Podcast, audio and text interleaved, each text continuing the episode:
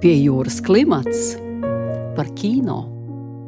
Labdien, mīļie radioklausītāji! Holivudas leģenda Lana Tērnere ir teikusi, ka labāk pazaudēt labu auskaru nekā tiktu pieķerta publiski bez grimma. Reizēm iegrimstot aizraujošā filmā, piemirstis, ka dzīvē aktieri gluži šādi neizskatās. Pirms kadra viņus rūpīgi sapoš un sagatavo grimma mākslinieki. Ir filmas, kur lielākais izaicinājums ir piepūderēt sasvīdušu pieri, bet lielākoties katra aktiera sagatavošana iznācienam kameras priekšā prasa aptuveni stundu. Un jo lielāks aktieru skaits, jo lielāks ir grimma mākslinieku asistentu un palīgu skaits. Tāpēc šodienas raidījumā pievērsīsimies ļoti svarīgai kino profesijai Grīma māksliniekam. Par to, ko nozīmē darbs kino, kā tas atšķiras no darba teātrī un cik liela nozīme tēla veidošanā ir Grīma māksliniekam, mums pastāstīs divas lieliskas Grīma mākslinieces. Lielā Kristapa balvas ieguvēja un vairāk kārtēja nominanta Ilze Trumpe un lielā Kristapa nominante Zana Žilīnska. Abas tikko ir pabeigušas darbu pie viestura Kairiša jaunākās filmas Janvārs, kurā Ilze Trumpe bija galvenā grima māksliniece, viņai palīdzēja Ilona Zariņa, bet Zana Žilīnska strādāja ar masu skatu dalībniekiem. Kas bija pats interesantākais darbā pie šī projekta? Vai varat mazliet vairāk pastāstīt arī par pašu filmu Janvārs? Vien, ka viss bija interesanti. Zanīt, kas tev bija interesanti? Man bija interesanti redzēt, kā notika šie vēsturiskie notikumi, ko es nebiju piedzīvojusi, jo es vēl nebiju dzīvojusi. Bet uh, man tas bija tikpat vēsturisks kino kā, piemēram, filma 1906, jo uh, visas references bija jāmeklē gluži kā jebkurai vēsturiskai filmai, jo tas tomēr ir diezgan ilgu laiku atpakaļ noticis un uh, cilvēku izskats ir ļoti mainījies. Nu, tās nav mūsdienas katrā ziņā. Jā, man bija interesanti atrasties šajā vēsturiskajā notikumā mazliet. Zani jau minēja atsauces un fotografijas. Ilgs, kur tu meklēji iedvesmu un atsauces, veidojot grimu tēliem filmā Janvārs? Droši vien, ka tā iedvesma un tās visas references nāca no filmas mākslinieces Ievas Jurijānas. Viena no atsaucēm gan viestura, gan ievas bija vai viegli būt jaunam 85. gada, un arī pēc desmit gadiem tas laika nogrieznis kaut kā tajās sajūtās, un arī, protams, pēc fotografijām reāli.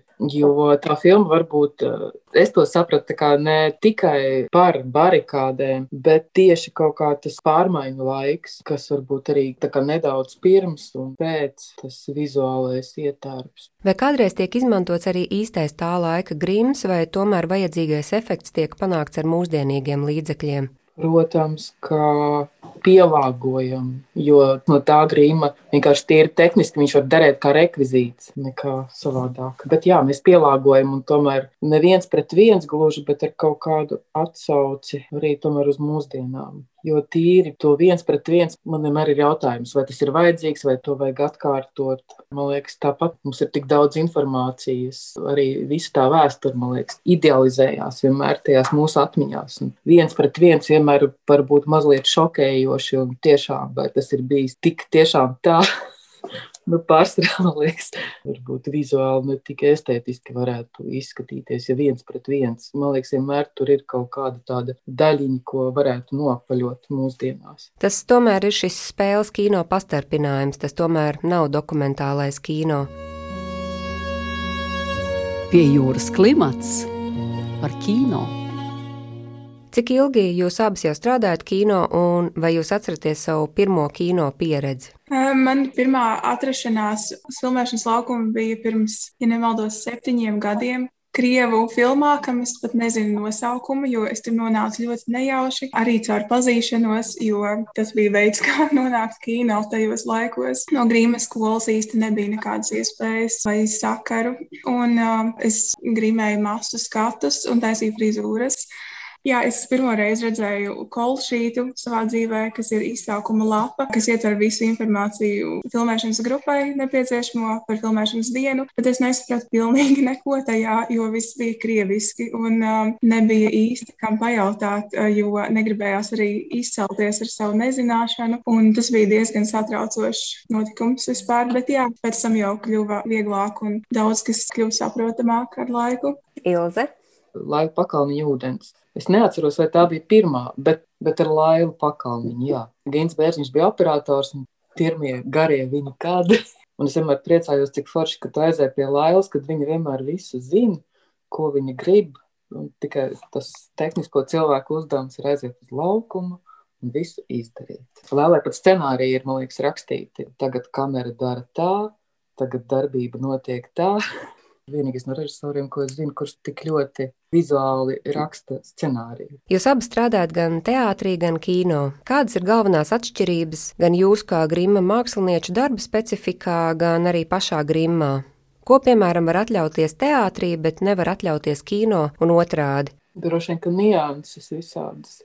Kino ir smalkāks, kino ir redzamāks. Viņš ir tik ļoti tuvu, tīri tehniski. Visam ir jābūt uh, smalkākam, niansētākam, tādam caurspīdīgākam. Savukārt teātrī vienmēr ir jābūt izturīgākam, visam jāspilgtākam, tāpēc, ka ir vienkārši tīri tehniski citas gaismas. Zana, vai tev ir kas piebilstams? Kino mēs izmantojam manuprāt, krietni vairāk dažādas tehnikas tieši grīma izveidošanai, kas teātrī vienkārši nav nepieciešams. Nu, es piekrītu Ilzai par uh, košumu un uh, izturību. Teātris izrādēs tas ir ļoti svarīgi, tomēr, jo nav iespējams apstādināt un pieiet klāt aktierim un pielabot. Visam ir jābūt ļoti izturīgam.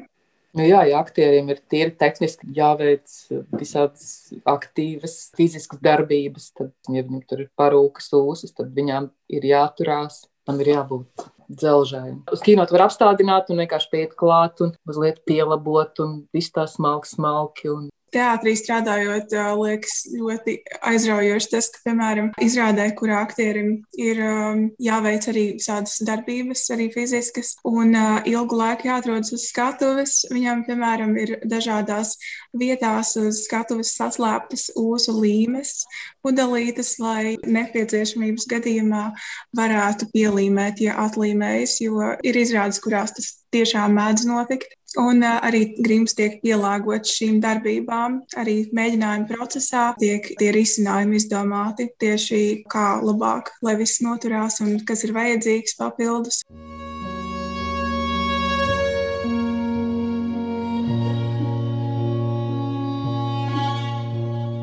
Vai jums katrai ir kāda īpaša specialitāte, ar ko jums īpaši patīk nodarboties? Ilza zina, ka tu izcili veido vēsturiskas frizūras, bet Zane, tu esi asiņaināku specifektu ainu speciālisti. Jā, man patīk. Vēsturiskās, tāpēc, ka eh, vienkārši ir vairāk eh, varbūt iespējas ko es ar to, ko es māku, kā es varu palīdzēt uh, konkrēti izrādē, kino, ka tu vari ar to savu darbu dot.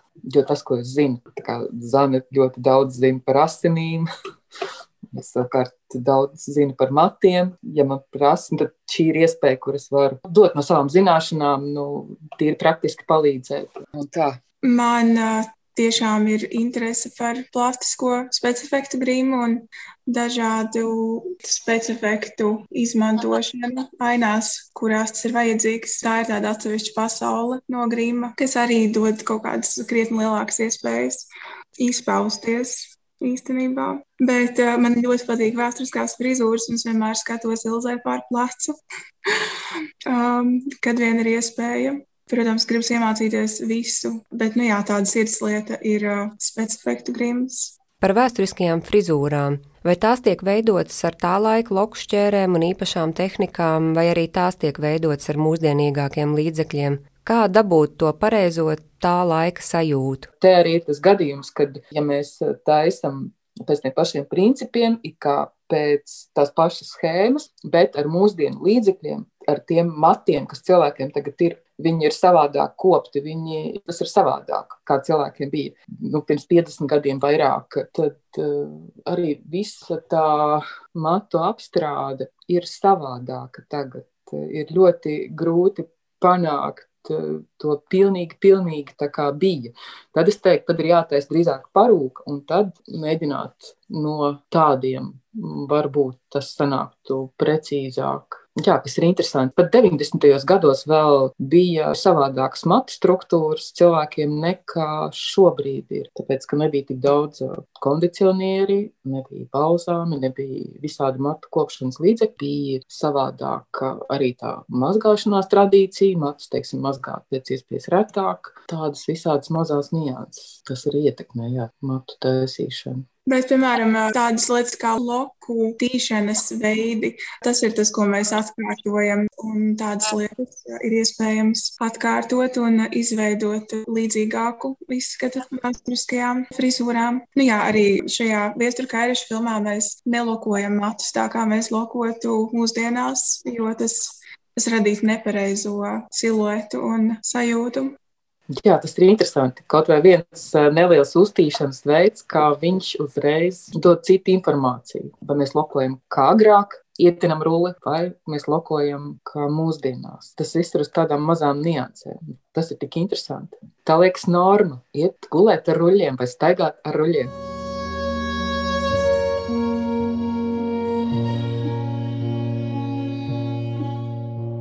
Cik daudz grima mākslinieks var palīdzēt arī aktierim, veidojot tēlu? Cik daudz notiek sadarbība ar režisoru un aktieri? Ar režisoru ir ļoti cieša sadarbība. Pilnīgi noteikti, jo režisors tomēr savā galvā ir iztēlojies, kā viņš vēlētos, lai izskatās aktieris šajā konkrētajā lomā, bet grima mākslinieks piedāvā dažādus variantus, kā to panākt un kādas var būt šīs izmaiņas, vai arī, ja tā ir transformācija, kā parādīt, piemēram, ar grima palīdzību to stāstu un notikumus, kam aktieris ir gājis cauri. Un ar aktieri arī ir sadarbība diezgan cieša. Tomēr ir lietas, ko aktieri ļoti nevēlas. Pirmais, dušain, kad aktierim ir jājūtās labi ar uh, to, ko mēs kā grīma mākslinieki viņiem darām. Lai tad, kad viņš ejot kadrā, viņš justos labi. Lai nav gadījums, kad ir kaut kas pārāk izdomāts, sadomāts, un tas ir varbūt kaut kādās pretrunās. Tam, man liekas, vienmēr ir jābūt tā, lai ir gan režisors apmierināts, gan aktieris ir apmierināts. Nu, tā, lai ir tas, uh, ka patīk iet kadrā, patīk filmēties, kā ir uztaisīts. Ir filmas, kur ir režisori, ar kuriem mēs runājam Un tad režisors stāsta, kā viņš gribētu, kā viņš iztēlojās. Ir filmas, kur ir vairāk no tērpa mākslinieka, no filmu mākslinieka. Ir ļoti dažādi projekti. Vienmēr tā kopsadarbība, mēģināt saprast um, pa visiem, ko tad un kā mēs gribam to rezultātu panākt. Tie projekti ir tik dažādi, tās vēlmes ir tik dažādas. Visinteresantākais, man liekas, tajā visā ir saprast, um, ko katram nozīmē vārds skaisti, neglīti, ko katrs iztēlojās stāstot. Tas, man liekas, ir interesantākais tajā procesā, mēģināt uzminēt, kas ir režisoram galvā, ko aktieris saka, tās viņa sajūtas, vairāk, mazāk, kas tas īsti ir. Tieši saistībā ar aktieru tēlu veidošanu, piemēram, Orsons Vels savus tēlus ļoti definēja ar grima palīdzību. Viņam bija vesela kolekcija ar mākslīgajiem deguniem, ko izmantot dažādiem tēliem. Cik bieži aktieri iebilst pret grimu vai kādu savu tēlu iezīmi, bailēs izskatīties neglīti? Ir dažādi gadījumi, bet es domāju, ka tas ir atkarīgs droši vien no aktieriem. Es domāju, jo, jo lielāks aktieris, jo viņš ir drošāks jebko atveidojot. Tā viņa pārliecība. Man liekas, tas ir tas galvenais. Aktieris nevar būt neglīts, ja viņš ir pārliecināts, un ja viņš to, ko viņš dara, viņš dara no sirds un ar pārliecību. Man uzreiz kaut kādas līnijas filmas nāk prātā, kur bija burvīgi, briesmīgi tēli, bet tik fascinējoši. Domāju, ka aktieriem tas varētu būt drīzāk pat interesanti, ja viņam ir tik krāsaini, tieši kad nav tā perfekcija. Tur jau, man liekas, ir tas skaistums pie jūras klimats par kino. Pie kā jūs strādājat šobrīd? Es šobrīd strādāju pie Red Dot Media projekta Meklējiet sievieti Latvijas seriāls pēc Kolberga romāna septiņas sērijas. Laika posms tur ir 1985, 1995. Sapiņķerēts krimināls stāsts ar vēsturiskām atsaucēm, ar mīlas līnijām. Tie ir interesanti. Es šobrīd mazliet palīdzu Ilzai arī viņas projektā, bet gatavojos turpināt pagājušajā gadā iesākto koprodukcijas dokumentālu seriālu ar Dāņu Eskobāru, narkobaronu, kas ir uh, diezgan intensīvs specifektu tāds seriāls. Mēs esam nofilmējuši daļu ar inscenējumiem pagājušajā gadā un turpināsim pārējos inscenējumus tagad, aprīlī. Vai darba dēļ nāks arī apgūt pilnīgi jaunas prasmes? Nu, man tas notiek visu laiku. Burtiski katru reizi, katrā projektā ir jāapgūst kaut kas specifiski jauns un jādara pirmo reizi. Es tiešām varu apgalvot, ka tā ir katru reizi. Jā, es arī gribētu teikt, ka katrs projekts vienmēr ienes kaut ko jaunu, ir kaut kas, ko tu nezini, kam tu neesi bijis gatavs. Tas ir forši. Tev visu laiku ir jādomā, tu nevari apstāties. Vai atmiņā palicis kāds pilnīgi traks brīdis, kad nav skaidrs, ko tagad darīt, kā glābt situāciju? Jā, tajā pašā Dāņu seriālā mēs filmējām Brāzas cietumā ļoti asiņainu kautiņu, kurā tiek pārgriezta rīkle cietuma sargam. Un, uh, viņam uz kakla bija uzlikts kā, silikona kakls, zem kura apakšā trubiņas. Un, um, pārgriešanas brīdī tiek palaistas asinis no pumpja. Un, um, notika tā, ka no spiediena tā asins plūsma novirzījās citur, nevis pa to vietu, kur būtu jānāk ārā asinīm kaklā griezumā, bet gan viss tecēja aktierim gar um, apģērbu uz leju. Un, uh, tas bija diezgan asins stingzinošs moments. Iziet no situācijas bija uh, sarežģīti, bet uh, izdevās. Droši vien, kad ir bijis, bet man aizmirstās. Es parasti, tad, kad nāku uz pirmsrādēm, es filmējos filmu, tad ir kaut kas, par ko es saku, tā, šito es neskatīšos, to es nevaru skatīties. Tur noteikti visu kaut ko varēs redzēt. Un tad, kad ir pirmsrāde, tad tu saproti, ka tas, ko tu redzi, varbūt ir tikai tas, ko tu redzi. Cits varbūt to neievēro. Un tad nāk nākošā filmu projekts. Bet droši vien, ka katrā filmā ir kaut kādi sīkumi, par ko tu pārdzīvo, ko tev liekas, ko varētu labāk. Un uz atvedām, vai jums no savas puses ir kā kāds ieteikums kino režisoriem? Uzticieties, ieklausieties! Tā. Un pabeidziet scenāriju pirms. Jā, lūdzu, lūdzu pabeidziet scenāriju. Lielas paldies jums par sarunu. Labi, paldies. Jā, paldies, Marta.